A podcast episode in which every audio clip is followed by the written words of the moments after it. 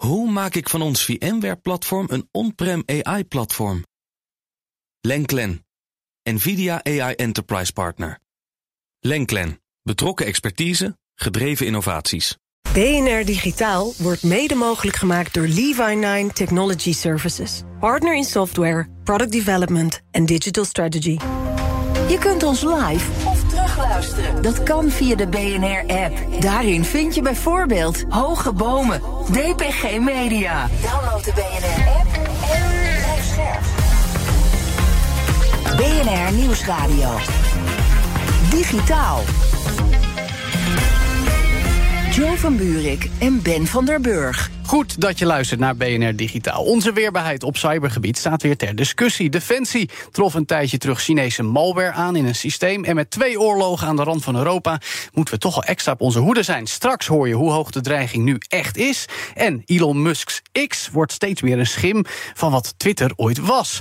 Onderzoeksjournaliste Zoe Schiffer van Platformer volgt dat met bronnen binnen dat bedrijf. En schreef daarover een boek. Je hoort haar in de tweede helft van deze show. Maar eerst Ben van den Burg. Ja, wat is er aan de we hand? het Even hebben over Ja, social media. social media threads. Ja. Ik heb Hoe een gaat het met jou op social media? Ik heb een Ben jij al trending topic? Of nee, ben jij trending today? trending today. Oh Zo ja, heet dat ja, threads. precies. Ja. Nee, kijk, ehm, ik was echt van plan toen threads kwam. Ik dacht, ik ga het nu een keer serieus oppakken. Want je moet soms moet je iets serieus pakken waar je eigenlijk een hekel aan hebt. Mm. Want dan kijken wat het met je doet. Ik heb dat precies twee dagen volgehouden. Toen kon ik het niet serieus oppakken. En daar kan ik allemaal smoezen verzinnen. Maar ik ben gewoon niet een persoon die denkt van... ja, dit is... Ja, ik, ik vind het gewoon niet zo interessant. Ik, weet je, Je bent ik- gewoon klaar met social media. Nee, ik wil in mijn eigen energie blijven. En ik kan niet ieder moment van de dag kan ik iets uiten. Ik wil nu iets uiten. Dat heb ik opgespaard, heb ik gedacht over, wil ik nu uiten. Dus, en dat en social media moet je iedere dag en mijn spui, en mijn spui. En, en, ja, maar dat- ben, je bent bekend, je bent een merk. Je, je, bent moet een merk en dat moet je gezicht in. Nederland. Maar dat is allemaal. Ik, ja, ik, nee, je moet op het juiste moment. Ja, ik ben veel meer van pieken. Ja, Ik ben op, in de studio. probeer ik dan te pieken. Ja, dat ja, lukt ook niet. En threads vond ik ook interessant. Dat, want nu wordt het weer, weer wel boeiend. Hmm. Dat ze ook weer moeite hebben met de moderatie. Ja, Dus zoals je- elk social media platform. Elk social media. Zelfs de federaal, decentraal georganiseerde zoals Mastodon. Daarom, en ik vind het zo, weet je, zo interessant of we het op gaan lossen in de toekomst. Ooit op een dag. Ooit op een dag. Of, en gaat het lukken? Waarschijnlijk niet. Of wel, als het. Weet je, als wel met Mastodon wel lukt, nee. eh, Een beetje Blue Sky, die gaan zeggen... de moderatie gaat ook zeg maar federaal ge- gebeuren. Ja, net als Mastodon. Maar gaat het, dat vind ik echt wel een van de vragen... die ik de komende jaren interessant vind. En als dat gelukt is, dan eh, overweeg ik het nog eens. dat is het enige. Dus jij gaat op social media met Sint-Juttemus. Nee, maar jij bent toch ook, Joe? Jij Ja. kan het toch ook niet? Nee, ik kan het ook niet meer. Wij zijn heb- ook slecht Nee, wij zijn niet goed in social media. Mensen moeten maar gewoon naar ons luisteren... in onze podcast, enige. op de radio, in Ja. de apps. Wij zijn geen influencers. We zijn geen influencers. En, en, en gelukkig ben je af en toe nog op tv. Ja, dat, Kun je, kun je daar ook zeggen wat je ervan vindt? precies. Joe van Buurik en Ben van der Burg. Onze internationale veiligheid is absoluut niet verzekerd. Blijkt alleen al uit de twee oorlogen die maar doorgaan aan de randen van Europa. Zowel de oorlog in Oekraïne als die in Gaza worden ook gevoerd aan het digitale front. En dan is er nog de dreiging vanuit China, die onlangs extra gevoeld werd bij onze eigen krijgsmacht. Bleek uit een melding en een rapport van de MIVD. Alle reden dus om weer eens te praten over cyberveiligheid in deze geopolitiek onzekere wereld. En dat gaan we doen met cyberspecialist Ricky Gevers van Responders. Welkom. Dankjewel. Goed dat je bent. En Sanne Maasakkers, senior analyst bij Mandiant, onderdeel van Google. Goed dat jij er ook bent. Dank je. Hi. Dus, eh dame en heer, de wereld wordt gevaarlijker. Zelfs qua nucleaire dreiging hoorden we deze week van het Den Haag Centrum voor Strategische Studies. Sanne, merken jullie bij Mandiant ook een toegenomen dreiging of meer activiteit in het cyberdomein de laatste tijd? Gaat, gaat gewoon onverminderd door. Dus niet meer of minder? Het blijft, het, blijft dus weer zo'n open deur. Een kat-en-muisspel tussen aanvallers, verdedigers en dergelijke. Ja, maar we willen wel weten, zit daar een, precies wat Joe vraagt, een stijging in? Gewoon meer aanvallen. Ik kreeg namelijk screenshots van mensen en dan allemaal achter elkaar van deze aanval, deze aanval, deze aanval. De, dus ik zeg, wow, het neemt Ja, toe. Maar dat is natuurlijk Oh. heel erg NS1 steeds. Ricky, Daarom. wat merk jij? Is er de laatste maanden, weken Ja, iets wij, wij zien een er verhoging in het aantal verzoeken. Maar dat betekent niet zozeer dat er meer aanvallen zijn. Dat is eigenlijk. De mensen zijn druk bezig zichzelf goed te wapenen op dit moment. Ja. En je ziet natuurlijk ook dat steeds meer organisaties er transparant over zijn als het gebeurt. Dus hiervoor waren ze dat misschien minder. Mhm. Dus dat is ook een. Het komt meer naar de voorgrond. Dat vertekent ja. eigenlijk constant het beeld. Want je kan het niet vergelijken met situaties eerder, omdat mensen nu geneigd zijn misschien eerder transparant te zijn over wat er is gebeurd. Ja, bijvoorbeeld ook. Ja. Zo zijn er nog meer factoren. Ja, Nee, maar Jo, ik wil toch, want voor de aanval in de Oekraïne was er een verhoging van het aantal aanvallen. Ja? Vanuit Rusland. Vanuit Rusland. Meldingen van. Meldingen, Ja, dat werd duidelijk klopt, ja. ge- gemeld. Ja, dat Ja. klopt. Nou, dus de hele simpele vraag is: zijn er nu ook meer meldingen? Eh, er zijn nu meer meldingen, maar dat komt door de dingen die gepubliceerd zijn van de laatste tijd. Dus de mensen weten waar ze naar moeten zoeken en dus ga je ook meer vinden. Ja. En dat is de, de meer aan meldingen die wij zien op dit moment. Maar ik denk dat als je de analyse zeg maar, van buiten of het grotere plaatje eigenlijk bekijkt, dan zie je dat China op dit moment strategischer bezig is. Ja, nou, Dus waar ze vroeger zeg maar, individueel een aanval hier en daar op kritieke infra deden, zijn ze nu een infrastructuur aan het inrichten om strategisch veel meer aanvallen te Nou, het is goed dat je erover begint. Want eerder deze maand hadden we het over de MIVD. Die meldde, er was Chinese malware gevonden in een apart R&D-netwerk, geleverd door Fortinet. Nou, eigenlijk een hele openbaring. Vrij uniek dat dat zo uitgebreid gedeeld werd. Wat zegt dat jou, die hele melding? Ja, dat zegt mij vooral dat ze internationaal gecoördineerd ergens mee bezig zijn. China. Nou, eh, de, nee, juist de westerse inlichtingendiensten met het openbaar maken van iets. Dus ze Ja. willen iets kenbaar maken van ons. Mhm. Want je gaat deze hele specifieke kennis die een inlichtingendienst heeft, dat is eigenlijk een, een, een, ja, een wapen wat zij zelf als inlichtingendienst kunnen inzetten. Want zij weten iets wat andere personen, partijen niet weten. Of de Mhm. Chinezen in dit geval niet weten. Ehm, dat maken ze kenbaar. Daarmee geven ze een geheim van zichzelf bloot. De Chinezen weten nu ook, oh, zij weten wat wij aan het doen zijn. Dus dat- ze schieten zichzelf daarmee in de voeten. Maar dat betekent dat ze een hoger doel dienen. En dat hogere doel is blijkbaar het kapotmaken van dit botnet op dat moment. Ja, want dat doen ze dus om te kijken, nou, wie in de westerse wereld heeft hier nog meer last van? Hoe kunnen we elkaar sterker maken? Ja. Om te zorgen dat de weerbaarheid over de hele linie verhoogd zou worden. Exact. Zij zien blijkbaar dat de Chinezen zich dus aan het ingraven zijn in een netwerk hier. Ja. En er is blijkbaar ergens een threshold overschreden, waar, schreden waarna ze hebben gezegd: nu moeten we actie gaan ondernemen en nu moeten we die Chinezen uit onze netwerk Ja, nou. En dat gaan we doen door deze hele concrete informatie te publiceren. Ja. Maar Ricky, was die informatie dan uniek? Was het dan. Ja? Dit is で。Hele unieke informatie, omdat het hele specifieke malware is die gericht is op één specifiek device. Hè. Dus voorheen zagen we hele geavanceerde malware die op een Windows-PC wordt geïnstalleerd. Het is extreem geavanceerde malware, hebben we echt nog nooit gezien hiervoor. Die bedoeld is voor een netwerkrouter. En was die ingewikkeld, Ja, moeilijk? die is, daar is echt heel lang aan ontwikkeld. Dan moet je echt aan heel veel mensen die misschien wel een jaar lang daaraan gewerkt hebben. En het specifieke wat die malware doet, is die kan zichzelf heel goed verbergen. En dat hebben we zelden tot nooit gewoon hiervoor gezien op dit Ja. soort devices. En je moet het zo zien, hè, als wij als incident responders zeg maar, een netwerk of een bedrijf binnengaan, dan weten we perfect wat we moeten doen op al die Windows computers. Mhm. Maar die routers is eigenlijk een beetje niche, bijzaak. Weet je, iedere router is anders, iedere router werkt anders. Niemand heeft daar echt heel goede, goede verstand van. Dus dat is de ideale plek voor een Chinese spion om te gaan zitten. Ja. En eh, zij hebben er dus ook nog eens voor gezorgd dat als er dan al naar gekeken wordt, dat ze zichzelf nog steeds heel goed verbergen. Ja, nu weet ik mensen die dan zouden zeggen... ja, was ook een kwestie van de juiste update... zorgen dat de firewall in orde was. Weet jij daar meer van? Of hadden ze dat op zich goed voor elkaar bij Defensie? Nou, wat heel leuk is aan deze specifieke malware, of tenminste, ten eerste, Defensie had niet geüpdate. Dat, Ah. is, dat is duidelijk. Daardoor ze, daarna zijn ze erbij gekomen. Maar wat deze malware verder doet, is dat als je daarna gaat updaten, zorgt die malware ervoor dat het nog steeds geïnstalleerd blijft. Dus al heb je de nieuwste versie, dan werkt die malware nog steeds op dat apparaat. Ja, precies. Even uitzoomen, hè, want de reactie van China... Nou, die kon je eigenlijk uittekenen, namelijk met klem ontkennen. Eh Chinese ambassades zijn zelfs kwaadaardige speculaties... ongegronde beschuldigingen. Wat is de bigger picture hier volgens jou? Nou, het mooie aan cyber is dat je het altijd kan ontkennen. Ja. Zoals Trump ooit zei, dat we die 16-jarige puber op de, op de zolder. En iedereen denkt dan, ah, dat zou best kunnen. Ja. Eh, dat kan ook namelijk. Eh, maar dat is het voordeel. Maar de, bigger picture is gewoon... eh, ik denk wat, je hebt een belangrijke tijdslijn hierin. Dus je ziet Microsoft in mei 2023 zeggen dat ze medium confidence hebben... dat China zich aan het op kritiek, of, strategische plekken op kritieke infra aan het ingraven is. Mhm. Dus aan het nestelen. En dat is verhoogd in januari naar high confidence. De vorige maand dus. Ja, exact. Dus ze hebben nieuwe informatie, waardoor ze zeker weten... er is niks hoger dan higher, hè? dat bestaat gewoon niet. Dus Hmm. het allerhoogste niveau wat je kan hebben... weten ze nu zeker dat China deze strategie uitgerold heeft. Ja. En dat is een significante verandering... omdat de Chinezen hebben hiervoor wel op kritieke infra gezeten. Mhm. Maar het is nooit zeg maar zo dat al die hackers de instructie hebben gehad... om dit te gaan doen. Dus het zijn, hiervoor zijn het gerichte eh, noem het één eh, bedrijf wat aangevallen is. En nu Ja. is het, ga je ingraven op alle mogelijke plekken. Ja, en, en welke reden zouden ze daarvoor kunnen hebben? Of moeten we dan bij geopolitieke analisten aankloppen? Nou, ik vond de metafoor wel goed dat dit uh, stok achter de deur is. Dat Ja. je op een later moment kan slaan. Dus als er een situatie verandert, kan je dit inzitten. Zo van, ik heb je bij de ballen, zeg maar, dat idee. Ja. Ehm, ik denk verder dat het wel serieuzer is. En uh, in mijn optiek moet je dat interpreteren als dat er ergens op heel hoog niveau in China is er dus een besluit genomen van we gaan deze nieuwe strategie implementeren. Dus wij geven onze hackers de instructies om zich in te graven in kritieke infra. Mhm. Dat is nogal wat. Op het moment dat je dat namelijk gaat doen, weet je dat er, als je de tijdslijn gaat bekijken, zeg maar, hoe langer je dit doet, hoe groter de kans is dat je gepakt wordt. Dus vaak zet je dit middel pas op het laatste moment in. Ja. Uh, dat hebben we bij Oekraïne hebben we dat bijvoorbeeld ook gezien. Daar hebben de Russen zich op strategische plekken inge, ingegraven. Ja. En op het moment dat uh, de inval in Oekraïne begon, toen werd er allerlei wipermalware uitgerold in Oekraïne. en dat gehoord. werd gedaan vanuit die strategische punten. Ja, ja. Ja, maar wat doet dan het Westen? Want het is, de- het is hetzelfde als je alle vliegdekschepen naar het Westen stuurt. Ja. Wa- Wat doet het Westen? hetzelfde inderdaad, ja. Ja, ja precies hetzelfde.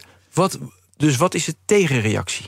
Geen idee, dat weet ik niet. Maar, je, nee, maar wat je wij ziet doen? niet. ja, Nee, wat je- wij doen is dit maar- openbaar maken nee, om ze dat eruit snap te ik. Maar zie jij niet ergens van... hé, hey, nu gaat het Westen Hebben we een tegenoffensief, tegenaanval, tegenoffensief... extra Ja. beveiliging, extra security toevoegen. En zie je dat ontstaan? Nou, het lastige is voor de westerse spionagediensten, die kom ik niet tegen natuurlijk. Dus nee, daar nee. weet ik gewoon ook niet zo heel veel van. Ja. Ehm, Dus het transparant maken, het melden, dat is dan eigenlijk hetgeen wat we ervan meekrijgen als reactie vanuit het Westen. Zeg nog eens. Nou, het feit dat het gemeld wordt, door in dit geval de MIVD, dat Ja. is wat wij merken van Exact. dat er een aanval vanuit een Ja. ander werelddeel En ze komen concreet met die malware, dus we kunnen het ook zien, controleren. En weet je, dat is een metersdik dossier, dus we weten zeker dat dit gebeurt vanuit China in ieder geval. Ja, precies. En de westerse inlichtingendiensten worden nog wel eens blootgelegd door bedrijven als Kaspersky. Weet je. Die zitten in Rusland en die komen dat dan tegen. Wij zelf merken daar niet zo heel veel van. Dus ik weet niet wat de westerse inlichtingen als tegenreactie daar precies aan het doen zijn. Wat ik wel zie is dat ze. Ergens is dus besloten dat we moeten dit openbaar gaan maken, want wij moeten het Westen hier tegenwapenen. Ja, oké, tot zover even China. Eh, Sanne, we zeggen ook wel eens hier in de studio, we zijn digitaal. Cybersecurity is gemeengoed. Elk bedrijf moet het tegenwoordig doen, doet het ook. Net zo vanzelfsprekend als je energierekening, je verzekering regelen. Onderschrijf jij dat? Ja, absoluut. Ja. Eh, maar ja, dit is wel een heel interessante casus. Want we hebben het hier over het gebruik van bepaalde kwetsbaarheden. eh, waar je natuurlijk ja, die zo snel mogelijk moet dichten voordat er iets fout kan gaan. Ja. Eh, vaak zijn dat ook de welbekende zero days. Dus dat zijn de kwetsbaarheden waar die wel zijn geïdentificeerd, maar waar eh, nog geen kennis van is genomen door de maker van het softwareproduct of van het hardwareproduct, of waar nog geen patch voor is uitgerold. Ja. Dus dat is weer eh, een stukje lastiger. Want ik hoorde net ook al, oh ja, dan moeten we gaan patchen en dergelijke. Ja, maar, dan moet dat wel kunnen. Maar wat doe je als er nog helemaal geen patch Ja. voor is? En je ziet dus wel dat actoren of hackersgroeperingen... die maken dus heel veel gebruik van dit soort kwetsbaarheden. Mhm. Ze hebben een soort van de loper van... dus eh, de loper van een deurslot die niemand anders heeft. En dit is wel heel erg aantrekkelijk voor dit soort hackersgroepen. Ja. Dus ja, moeten we, eh, is gemeengoed, we moeten hier ons tegen wapenen? Absoluut. Alleen, ja, we hebben het hier wel te maken met iets waarvan je, ja, waar je je wel voor kan wapenen, maar waar die standaard eh, adviezen van ga updates draaien misschien een stuk lastiger voor gaan werken. Ja, dus we weten dat, eh, we weten dat hackersgroepen Zero Days proberen te ontdekken. Maar wat weet je van de inlichtingendiensten? Hoe hard zijn die bezig om dat te ontdekken, om Zero Days te ontdekken? Weet jij er Nou, wat het, van? Het is wel een heel erg interessant ecosysteem, zoals je dat ziet. Ik bedoel, Zero Days eh, zelf identificeren, dat is hartstikke tof, hartstikke makkelijk. Mhm. Want die zijn gewoon super handig. Als jij probeert binnen te komen met een phishing mailtje ergens binnen een organisatie, ja, dan zit je, eh, er zit er een detectielaag tussen. Mhm. Heel veel detectielagen, inclusief persoon die er naar kijkt, eh, eh, mailfilters en dat soort dingen.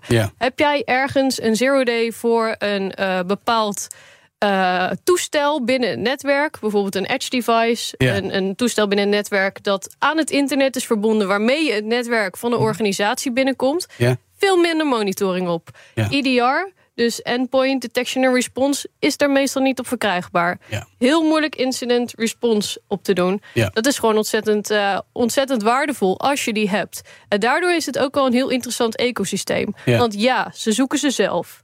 Maar je ziet ook dat actoren wereldwijd eh, personen recruteren. Commerciële organisaties die die zoeken recruteren. Juist om hun arsenaal aan zero-day capabilities te vergroten. Ja, nu was ook interessant onderzoek van NOS, een begin van deze week. eh, dat meldde dat 10.000 computersystemen wereldwijd, duizenden in Nederland, kwetsbaar zijn voor cybercriminelen en inlichtingendiensten. Dus wie dan ook wil binnenkomen. En volgens de DVD draait dat dan eh, ook vaak om geen updates en patches draaien. Nou, dat zeiden we net al. Je zei ook bij een day is het lastig om dat voor elkaar te krijgen. Maar is het niet ook een percentage of een factor luiheid, zuinigheid of onwetendheid? Of hebben we dat al voor elkaar? Nou ja, ik mag hopen dat een eh, organisatie met een gemiddelde maturity of volwassenheid dat soort dingen wel heeft. Maar soms zijn dingen gewoon een stuk lastiger dan eh, om eh, lastig om in de praktijk uit te voeren dan hoe het op papier staat. Ja. Organisaties die bijvoorbeeld zeggen: ja, dit gaan we ontzettend doen. komt op de roadmap voor eind van dit jaar te, te staan, want we hebben nog andere prior- prioriteiten. Dus de prioriteit is toch nog steeds niet hoog genoeg. Zelfs nu de spanningen geopolitiek wat extra voelbaar zijn, zou ik maar zeggen. Nou, of, of hij is niet hoog genoeg, of ze kunnen niet anders. Soms heb je met bepaalde systemen te maken die draaien op zo'n oude software of hardware. Dat je gewoon niet zo kan zeggen: Nou, we gaan een patch draaien en het is opgelost. Dan moet je toch al andere maatregelen gaan nemen. Zoals bijvoorbeeld eh, defense in depth strategie. Dus dat je meerdere maatregelen achter elkaar zet om Ja. toch zoiets te beveiligen totdat je wel zoiets zou kunnen patchen. Ja. We hebben het nog niet eens gehad over de oorlogen die nu spelen in Oekraïne, in eh, Gaza. Eh Ricky, eerst even naar Rusland. Hè, want we hebben het heel erg gehad over Rusland toen die invasie in Oekraïne net was begonnen. Offensief cyberprogramma waarvan we dingen hebben gezien. In de praktijk toch ook minder hybride dan vooraf was voorzien, volgens menigeen. Ja. Hoe, hoe kijk je naar de huidige situatie en ook de dreiging voor Nederland wat dat betreft? Ehm, welke dreiging bedoel je precies? Nou, vanuit Rusland. Want het, het Ja. blijkt dus of in ieder geval, again, N1, wat horen we, wat horen we niet. Dat, Ja, dat het wat stil is aan het Russische cyberfront. De Chinese hackers zijn de beste hackers in de wereld. En daarna Ja. komen de Amerikanen. En daar ergens onder zitten de Russen. Dus de Russen zijn ietsje minder goed. Oké. Dus wat dat betreft is de dreiging denk ik ook ietsje minder. Mhm. Eh, ik denk dat we, wat we goed hebben geleerd van Rusland... is dat we van Rusland hebben we daarvoor dat die inval zeg maar, begon... hebben we heel veel gezien. Mhm. En daar hebben we eigenlijk van geleerd dat we... we dachten heel weinig te zien van die Russen... maar het bleek in de praktijk dat we behoorlijk veel Ze eigenlijk hebben eigenlijk een hele arsenaal ingezet, zo Ja, verpatst eigenlijk een Ja, beetje. ja. dat- Zo is het. Ze hebben hun hand overspeeld. Ja, eigenlijk wel. Dat denk ik eh, oprecht. Oké. Eigenlijk dat dat de situatie is. En als we dan kijken naar de oorlog in Gaza, hè, nou, dat is Israël en Hamas, maar we weten dat Iran daar ook een rol in heeft. Ja. Eh, Wat, wat, hoe zien we dat dan? Want die zouden dan misschien ook in de buurt van die top 3 komen. Nou, van- van Iraanse hackers weten we ook dat die heel prominent aanwezig zijn. En Mhm. daarvan is de kwaliteit ook een stuk lager. Dus daar hoef je denk ik wat dat betreft ietsje minder zorgen uh, Die over was te het gaat maken. om ons, maar wel daar in de regio. Ja, zeg maar het aantal zero days dat zij kunnen inzetten zal lager zijn dan een eh, Amerika of een, of een China, denk Ja. ik. Eh, maar goed, dat is eh, puur in getallen. Ja. Ehm, maar ze hebben wel Iran achter zich en Iran kan echt wel wat. En dat is natuurlijk zorgen. Ja, nu las ik ook een, een recent gepubliceerd rapport vanuit mede Google. eh, wat zei, ja, er werden veel minder cyberaanvallen gebruikt dan bijvoorbeeld bij die Russische invasie in Oekraïne. Ja. Dus dat geeft ook wel aan dat Iran daar gewoon minder capabilities voor heeft, zou ik maar zeggen. Ja, de, de vraag is of Iran de, zeg maar, het hackerteam wil uitlenen voor zoiets. Hè. Dat, Ja. eh, het is natuurlijk behoorlijk vertrouwelijk en geclassificeerd allemaal. Je gaat niet zomaar dat inzetten voor iets Ja. wat je niet belangrijk genoeg wellicht vindt. Nee, waar hebben wij nou het meeste van te vrezen? Gaat dat om toch China of ook toch Rusland of misschien toch ook Iran? Ja, goeie vraag. Niemand weet dat. Als iemand dat wist, dan. eh, had Ik je, wil me eh, uitleggen wat een goede. Wat je zegt, die is beter, die is slechter. Is dat gewoon dat je meer zero days kan ontdekken? Of dat ja, je. de Chinezen winnen iedere hackerwedstrijd die er is. Dus die zijn echt ver voor. Vroeger waren het Amerikanen, zeg tien jaar geleden. Die wonnen toen al die hackerswedstrijden. Mhm. En nu zie je dat de Chinezen al die hackerswedstrijden winnen. Dus die hebben gewoon enorm veel technische kennis. En ik ben af en toe bijna verbaasd hoe weinig we daarvan in de praktijk zien. Eh, Omdat ze in die wedstrijden nog veel meer doen. Kun je een Ja, voorbeeld de, want geven? De kunstjes die ze daar laten zien, die zijn Maar kun je een voorbeeld zo geven? belachelijk goed. Nou, de Tesla's die ze hacken, ik noem maar eventjes wat hoor. Ja, een simpele auto. ja. maar die hacken ze dan op zo'n geavanceerde manier... dat je echt eh, je hoedje ervoor afzet van wat hier gebeurt, weet je wel. Dat, Ja. dat is gewoon eh, de maar is dat, komt dat dan ook voort vanuit gewoon dat, dat China misschien al jarenlang geïnvesteerd heeft in gewoon heel veel vaardigheden en, en talent? Om te Eh, zorgen dat ze hebben de, de wet van de grote getallen gewoon. Hè. Er wonen Ja. heel veel mensen. En de universiteiten steken heel veel energie daarin. Mhm. Dan krijg je vanzelf goede mensen. En heel duidelijk merk je ook bij die hacker contest dat die kennis gedeeld wordt. Ja. Dus je ziet bijvoorbeeld, eh, vroeger zag je nog wel eens één persoon die dan heel goed is. Nou, dan zie je die ene persoon de hele tijd terugkomen. Ja. Maar China zie je dan eh, persoon A en eh, volgende week is persoon B die de trucjes van persoon A doet. Dus je ziet dat die communicatie, die, die lijnen lopen daar goed allemaal. Ja. En die mensen werken allemaal bij de grotere bedrijven daar, zo, dus bij Tencent. dat soort partijen moet je dan aan denken. En wij zien de statelijke actoren zien we natuurlijk niet. Nee. Ik vraag me dan altijd heel erg af, wat kunnen die dan wel niet? ja, dat weten we dus eigenlijk niet eens.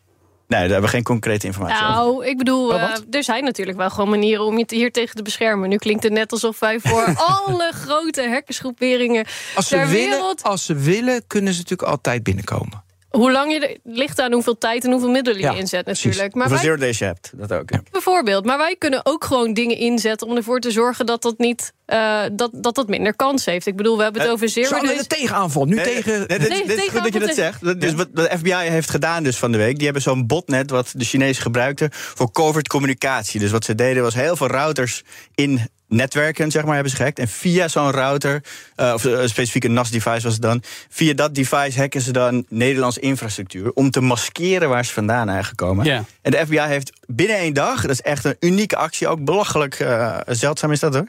hebben ze dat in één keer offline gehaald. Dus je moet het... Je zo voor je zien dat die Chinezen dat netwerk continu gebruikten. Ja. En van op de ene of de andere dag uit. Ja, precies. Ineens hebben ze die toegang niet meer. Ja, maar- En dat is dus zo'n actie die je hiervoor uitvoert. Dat Ja. is bijvoorbeeld, maar we kunnen ook, je kan het ook wat kleiner pakken. Hè. Dit is natuurlijk een vet grote actie geweest. Echt ontzettend goed. Je moet eh, heel erg eh, ehm, nauwkeurig te werk gaan. Want één ding vergeten Ja. en ja, vergeet het maar. Je moet ontzettend nauwkeurig te werk gaan.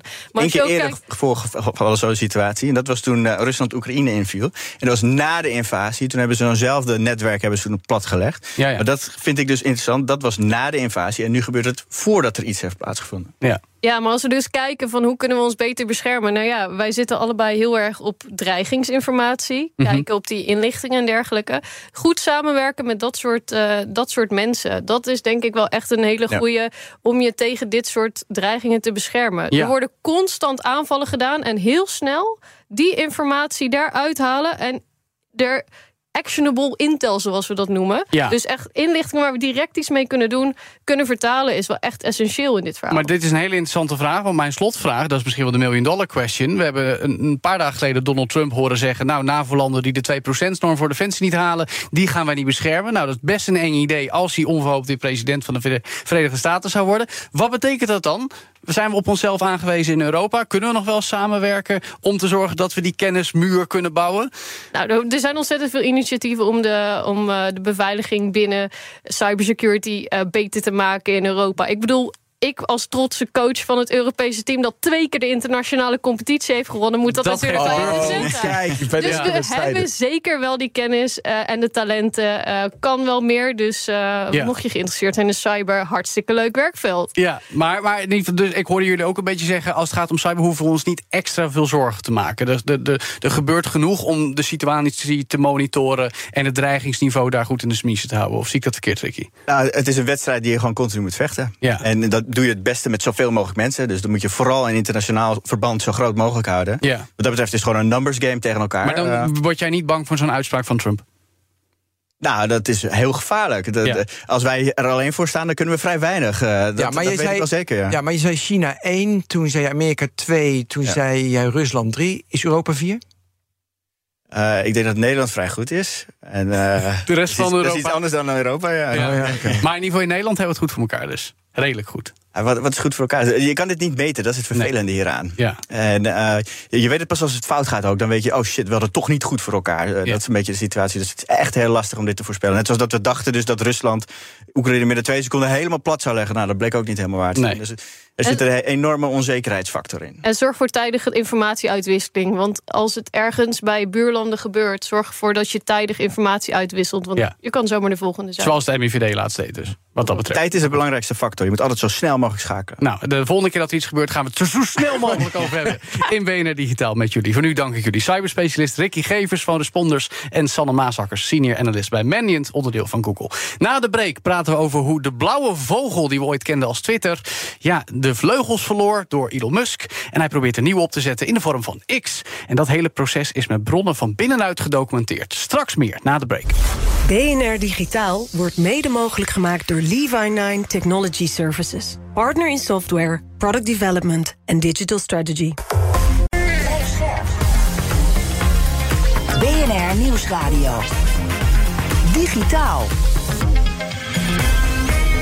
Joe van Buurik en Ben van der Burg. Welkom terug bij BNR Digitaal. Waarom raakte Elon Musk toch zo in de ban van Twitter? En wat gebeurde er nadat hij dat platform overnam? En hoe krijg je mensen te spreken die daar werken, zodat we met z'n allen die soap kunnen blijven volgen? Dat alles beschrijft onderzoeksjournaliste Zoe Schiffer, bekend van Platformer, in haar boek Extreem Intens Twitter onder Elon Musk. En we spreken haar nu, so I'll be switching to English now as I say. Welcome to BNR Digitaal, Zoe Schiffer. Thank you so much for having me. Yeah, good to have you. So, to start off, I have to share a word of thanks because of your coverage at Platformer, especially inside everything that's happened at Twitter or X or wherever we are. We are able to discuss that on a on a meta level, if you will, over here in the Netherlands. Can I just ask you, what's your motivation to keep digging through that company? I mean, I feel like from the moment that Elon Musk said he was going to buy Twitter, it was like for a tech reporter, our Super Bowl. We were like, okay, all hands on deck. This is the biggest story of the day. I think that's gotten to be a little less true over time for reasons we can talk about. Like the cultural relevance of the platform has declined, but for so long, it just felt like the most important story of the day. And as a tech reporter, that's the exciting place to be. And when you say most important story of the day, do you mean maybe the most exciting story in tech of the 21st century? That's how I feel. That's why I wrote a book on it. So I hope others agree. Yeah, but can you tell me more? Why is it so an important story? Because it's just a tech billionaire who buys a platform. I think because Twitter's cultural relevance always outpaced its kind of business fundamentals. The importance that it had across sports media and politics had such a global scale. It had the most important people across all of those industries. And then it also had just everyday users who were good at tweeting who could go viral for saying something funny on the platform. So it had this kind of magic, and you'd have a real world event that happened, uh, violence that broke out somewhere in the world, or the Grammys, or some big awards show, and you kind of have the real time event and then the live reaction to that event on Twitter. And it felt like the place that we would all go in real time to have a conversation about what was happening in the world day in and day out. Yeah, so it, that very much appeals to the whole concept of, of X now being the, the town square, if you will. The, you know, the, the, the analogy we've made so often and that Elon has made as well in, in, in several instances. Now, we could ask you why and how has Musk done to X what he did, but that's all in your book. So, what I'd actually like to ask you, what's the biggest consequence of what he has done to X from a broader societal point of view? I mean, I think the biggest consequence is without a doubt that the social web has fractured. And I think the idea that we would have one platform to go and speak about what's happening in the world, that is now a thing of the past. I think we're going to have threads, we're going to have Blue Sky, Mastodon, people will still be on X, but we're not going to have this one kind of central place where, particularly for people like you and I who are in media, is kind of our hub and the one place we can go. Now, when we share a message, we have to do it on eight different platforms all at the same time. And I think that that has consequences outside of media. It matters for democracy across the globe. Yeah, but is it because of Musk or is it more the social media trend you see in the world?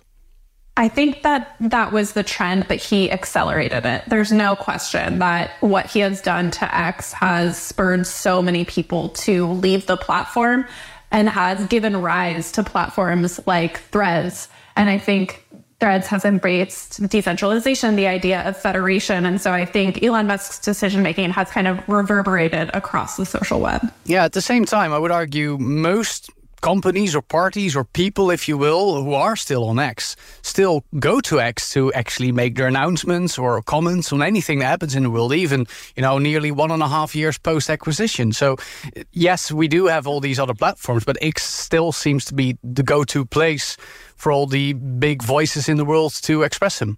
Do you feel that way? I, I feel like it's it's less so now than it used to be. And and I do think also while it might be a place where individuals, high profile individuals in particular, are able to make announcements, the overall conversation has declined. And so it doesn't feel like that place where we're all going to discuss events in real time, whereas one politician might still make that announcement on X. Yeah. So do you think uh, that Musk on purpose um, made this happen, or was it more uh, so a consequence of what he did? I think it was absolutely a consequence of what he did and a fundamental misunderstanding of how Twitter worked and a lack of empathy for Twitter users. You know, Elon Musk operates from the perspective of his own Twitter experience, his own X experience. And his experience on that platform is very unique because he has been for so long a power user and one of the most followed people on the platform. And I think when you prioritize that experience and you make product level changes to tweak and improve that experience, it impacts every other user and it does so in seemingly a negative way. Yeah, I like a lot about in your book. You start with the anecdote that he was in a plane and it was so important for him that his tweet had more views than a tweet of Biden. Can you tell that? Because it's a great story to start with. So, Elon Musk is at the Super Bowl in February of 2023 and he tweets about the Philadelphia Eagles. And Biden sends out a very similar tweet, the president of the United States. And Biden's tweet does a lot better, it performs a lot better than Elon Musk's tweet. And for months prior to this, Elon had been very preoccupied with his popularity on the platform, which seemed to be declining. He was convinced that it was declining because of sabotage. An engineer had planted a bug in the algorithm to suppress his tweets. And data scientists and engineers had looked into this and tried to tell him, like, no, it doesn't seem like that's the case. I think your popularity has just declined, but he wouldn't really hear of it. His lieutenants would say things like, I understand that the data says this, but I trust Elon's intuition more than the data. So this really comes to a head at the Super Bowl with Biden's tweet. He's completely, Elon is completely furious that his tweet has performed so poorly compared to Biden's. And after the game is done, the Eagles lose, which is also probably tough since that's the team he was rooting for. He gets on his private jet and flies back to the office and he's livid.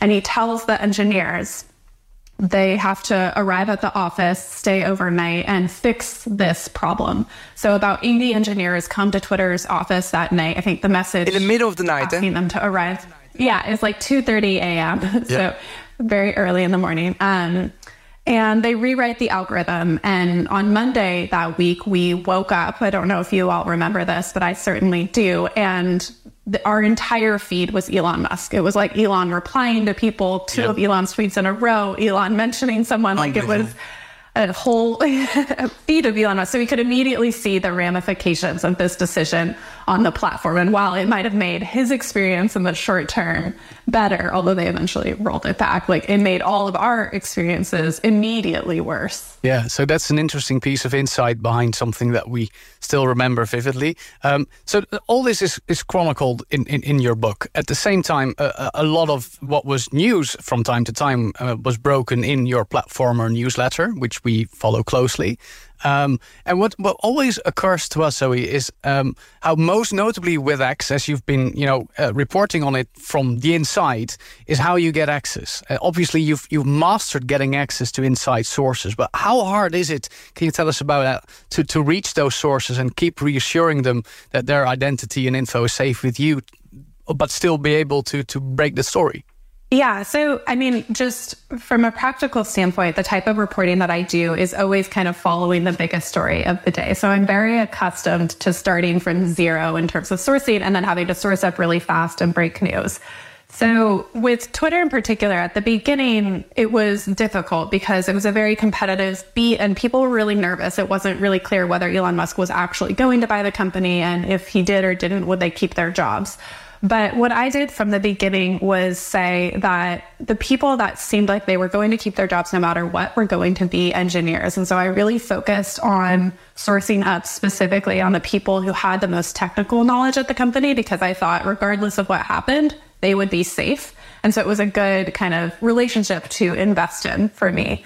Um, and then it was a matter of just reaching out to as many people as possible. Now, I will say, when Elon Musk bought the company and started making very erratic decisions, and I think from employees' perspective, really disrespecting them, this quest of mine became a lot easier because people were very unhappy and now a lot of people wanted to talk. And then it became a game of, okay, all of these layoff rounds keep happening. How many sources do we still have after the layoff is done? Okay, another layoff round is coming. And what are we down to now? And do we have to source up again? Yeah. So at the same time, you, you still have to guarantee to those sources who, who may well or not be in doubt of their actual job to keep providing you with snippets of, of information, even through that whole tumultuous period. That, that, how do you manage that? Yeah, I think it's a matter of having enough sourcing. You know, one funny thing that happened is Elon Musk became very preoccupied with me and Casey Newton's reporting, and he started saying things like, we need to find the leaker, we need to fire the leaker. And I thought that terminology was so funny and such a misunderstanding of how media works. Because if we had one person telling us information, they would have been fired a long time ago and we wouldn't be able to publish that. You can't publish a story with one anonymous source. It would be not practical or um, right from a journalistic perspective, and it wouldn't be safe for that person. So the way that you keep people safe is kind of strength in numbers. Someone tells you something, and if you're able to corroborate it with eight other people who are in the room, suddenly it's a lot less clear where that information is coming from, and it's a lot more certain that the information is accurate. Yeah. So do you still maintain a lot of sources within X because it seems to be quite, you know, with, within Elon's talents, if you will, these days? Yeah, the people who have stayed, I think, are either very bought into Elon's vision or are staying because they really have to for visa reasons or family reasons. And so it's a lot harder to talk to people now than it used to be.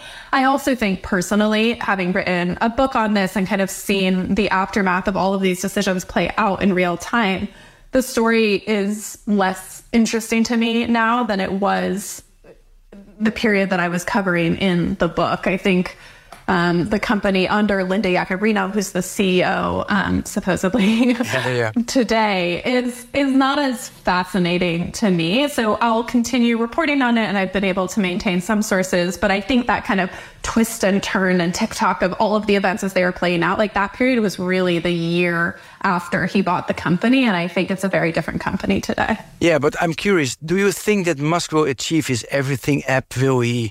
Grow X, or do you think, well, it's done now? Well, I'm curious to hear you say that it still feels relevant because, from my perspective, it doesn't. But I know that that's not true for everyone and everywhere.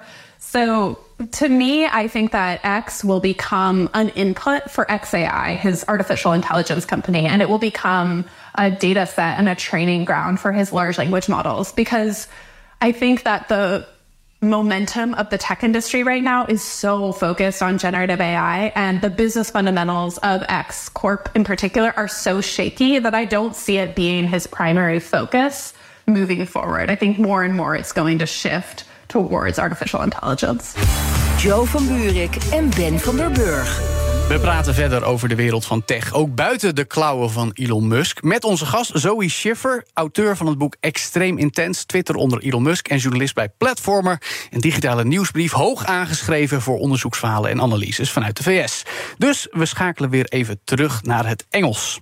I'd like to move on to a few other topics regarding tech, but not X per se, because when, when I talk about the way we do our work, the way we base our views on, on digital technology, that's often based on what's reported and announced in the US. Because obviously, what you do, yeah, what, what you do, because that's where tech companies are largely based and operating. But if if I may ask, Zoe, how do you, as a tech reporter, and, and your fellow reporters, view us in Europe doing tech, maybe? You mean from how you cover it, or how? Because I will say, like from a regulation perspective, Europe is so far ahead of the United States. Really? yeah. regulation. You really think so? Oh my gosh. Why? What, I, what have we done? Well, what we have we done? Senate hearings, but we don't pass. no, I think that there's no question the EU has passed actually with the. Um, oh, I don't want to mess up the name of the Digital Markets and Services Act and the yeah, AI Act. Yeah, yeah, exactly, exactly.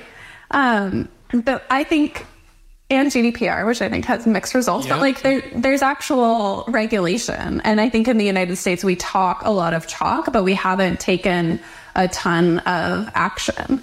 Yeah, but so that's an area where, yeah. Yeah, but okay. is it, yes, but is it an example for you, or you think, well, they, they are going too far in Europe? It's too much regulated. I don't know. This is a question for me because we have so little regulation, but the economy is better and it's a better, I think, easier place to ha- like start a tech company. But I think users are a lot less happy than they are in Europe. That was kind of my hypothesis. But what do you think? Because you're on the opposite. Well, it, it's interesting, so because we discuss those debating uh, acts a lot. quite a lot on our show and, and in general as mm-hmm. well. Um, but we tend to be a bit critical of those ourselves. You know, we- we'll be mm-hmm. arguing, yeah, it's good that we have this law, but then there's been some lobbying, there's been some compromise, and oftentimes those are not good enough yet. You know, they're still work in progress. Yeah, yeah. Um, so uh, my, my question was mostly about how do you view that in, in the US? Do you think, oh my God, they're really doing a great job in Europe? Or are you able to get some of those like nuances, if you will, like I've just expressed, like, you know, they're doing a good job, but it can still be brought a lot further? I think that we have that nuanced perspective. I mean, I think both things that you said are true. I think we look to Europe and we're like, wow, they're actually doing it. They're actually passing laws that have some teeth in them, and tech companies are changing their policies as a result. We see Apple and Meta making decisions based on the laws that you have in Europe in terms of how to roll out threads, how to share data across apps. What, um, Yeah, but primarily, yeah, I guess I'll just leave it. yes, yeah. yes, So- but primarily, I I think, but but but I will ask you, uh, the main the main goal in the US is making money. Weet je, and here is Yeah. in Europe is serving the public. Do you agree with that, or do you see it uh, so differently? I think that we, yeah, I mean, I think that that is the status quo. And I don't think it's made users in the United States very happy. And I think there's a lot of dissatisfaction with tech regulation. I think that we have kind of a rosy view of European tech regulation because it does seem so far ahead of what we're doing. And so it feels like, oh, wow, they're actually they're passing laws, they're making decisions, they're holding tech companies accountable. Um, and in the United States, we simply seem unable to to do those things. Now, is the impact of that net positive? I think in the United States, we think, yeah, they're doing something. And maybe it's not enough, Yeah. but they're doing something. We are doing largely nothing. Yeah, but we have a lot of fun in Europe when we look at the hearings that you have. It's really fun to see for us. And the hearings are fun. There's Really no question They're about that. I mean, Yeah, but- getting watching tech CEOs just get obliterated. Exactly. I, that's, I, I will be a bit critical of, of, of that theater, if you will, Zoe, because i when that was happening the other day with the social media company CEOs uh, in the Senate hearing, it was also a bit like, like I said, theater. It was about senators who are meant to protect the people in the country, you know, exclaiming their, their anger, sure, but they should have prevented the situation from happening in the first place. But, but I'll, I'll, I'll, I'll, I'll Yeah. ask you this, though. Do you think in any way that the European tech laws could actually inspire or lead to legislation in the US as well? Or will that be lobbied against so heavily because of the economic importance of the same tech companies in the US? I mean, I think there's no question that it's going to have an impact, and regulators are watching what's happening in Europe and seeing, like, does it actually have a detrimental impact on Apple to make these changes to its products? Does it impact Meta truly in a negative way to not be able to share data across all of its apps instantaneously? And if the answer is no, it's not detrimental, then, like, okay, we could pass some sort of similar law here. What, what, what will that uh, take, though? What, yeah, what, what, okay. I mean, we, we have all What these. do we need to do? No, we have these. That's the- we help? That's the open question. I don't, I mean, if I knew the answer, I would be in a totally different profession and hopefully getting paid a lot more money than I am now. But I don't, I don't know. I mean, whenever we have these hearings and you see a senator screaming, you have blood on your hands, it's like, we're looking to tech companies to solve all of these problems, like you said, and yet Congress and lawmakers in the United States seem totally unwilling to actually hold them accountable, which is is when I I do think, and I agree with you both that the Senate hearings can end up being kind of harmful in how theatrical they are because there's a lot of grandstanding. There's a lot of pithy sayings and arguments, and there's so little action. And I think we've just seen that um, cycle repeat itself so many times now. So, so Platformer is, is, is doing quite well, I would say. You know, having reported on everything related to Twitter and X, uh, as well as a lot of other tech dossiers, uh, as a newsletter. And, and you are one of the most successful one, I would argue. You know, there's a, a growing number of small groups of reporters doing independent newsletters and websites. Uh, meanwhile, we are seeing a lot of layoffs at media companies in the US, especially. But where do you you and Casey Newton see Platformer go? What's what's your end game, and and, and you know, uh, what, what's what's what's what's going to be the future for Platformer? I think we want to keep doing what we're doing, but just do it on a bigger scale. I think our goal from a journalistic perspective is always to be the um, publication that's breaking the best news the fastest on the topic that's most important of every day. Casey does incredible analysis, and I bring more of the scoops. And I think that we have aspirations to hire another reporter, possibly to grow the team a little more. But I think you know, oddly in this time where, as you mentioned, there are so many media layoffs and the future of the web in general feels so unstable, Platformer actually feels like it is incredibly stable and it's able to kind of be um, more robust with all of the changes that are coming because we have a direct relationship with our readers. Yeah, I, I, will argue one thing though, because uh, having listened to a recent conversation yeah. between Casey and Eli Patel on the Decoder podcast, there was also, you know, the, yeah. the, the, comparison with conventional media, if you will, like newspapers, Bloomberg, and even The Verge. But I will say, to get traction on the stories you are breaking by doing your investigative work, you still need those conventional legacy media. Um, is is that relationship ever ever going to change? Are you ever going to you know operate freely without having you know the the, the promotional uh, benefit of getting your news out there? You know, we're seeing, we're testing that out right now because I guess not speaking specifically about legacy media, but talking about platforms like Twitter, we made the decision to get off X entirely. And I think it's been an open question for us will we continue to grow at the pace that we were growing on X if we don't have if we're not on the platform where Casey and I have cumulatively you know more than 300,000 followers. Right. And we have a lot fewer on threads and yet what we're seeing is that when we do break news and we do analysis that people really like the conversion rate is still as good as the best day on X. We're still seeing growth that's tracking completely with where we were at before. And so I think we feel like we're in a very good position to continue growing even as the web changes. Now, is that true with traditional media? I don't know, but our goal is not to exist in a world where traditional media doesn't exist. Like, I think we view ourselves as one part of an ecosystem that we hope can kind of change as the internet as we know it changes so fundamentally with artificial intelligence. Yeah, well, to close off, then we are a traditional media company, if you will, you know, business news radio. At the same time, we try to take tech as serious as possible, even though we're based in Europe. Is there anything you can you can say to us what we should do to contribute to the global dialogue about the impact of tech?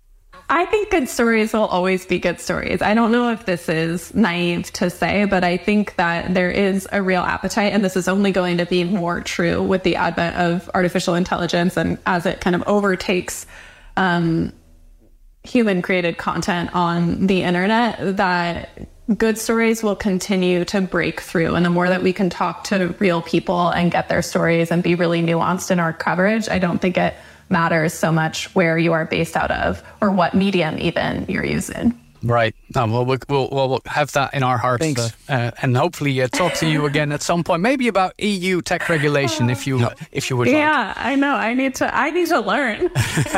we'll, we'll, be happy to oblige. But for now, thank you very much for your time, Zoe Schiffer, managing editor of Platformer and author of the book Extreme Intens: Twitter onder Elon Musk. Thank you very much. Tot zover BNR Digitaal. Beluister deze show ook als podcast. Gewoon doen in je favoriete app waar je podcast luistert. Abonneren, beoordelen en delen met je netwerk. Doe dat ook met de Tech Update voor het laatste technieuws twee keer per dag. En Ben, deze week praat jij in de Technoloog met Herbert over... Voorspellend onderhoud. Wat? Sensoren, data, ah. analyses, AI. Hoe zorg je dat iets voor. Je, je voorkomt het dat het stuk gaat? Want je weet het al dat het nou, stuk gaat, of niet? Dat dus. In de Technoloog deze week. En natuurlijk komende week op woensdag weer een nieuwe BNR Digitaal. Dus zeg ik namens onze hele techredactie tot volgende week. Dag. BNR Digitaal wordt mede mogelijk gemaakt door Levi9 Technology Services. Partner in software, product development en digital strategy. Hoe maak ik van ons VMware-platform een on-prem AI-platform? Lenklen, NVIDIA AI Enterprise Partner. Lenklen, betrokken expertise, gedreven innovaties.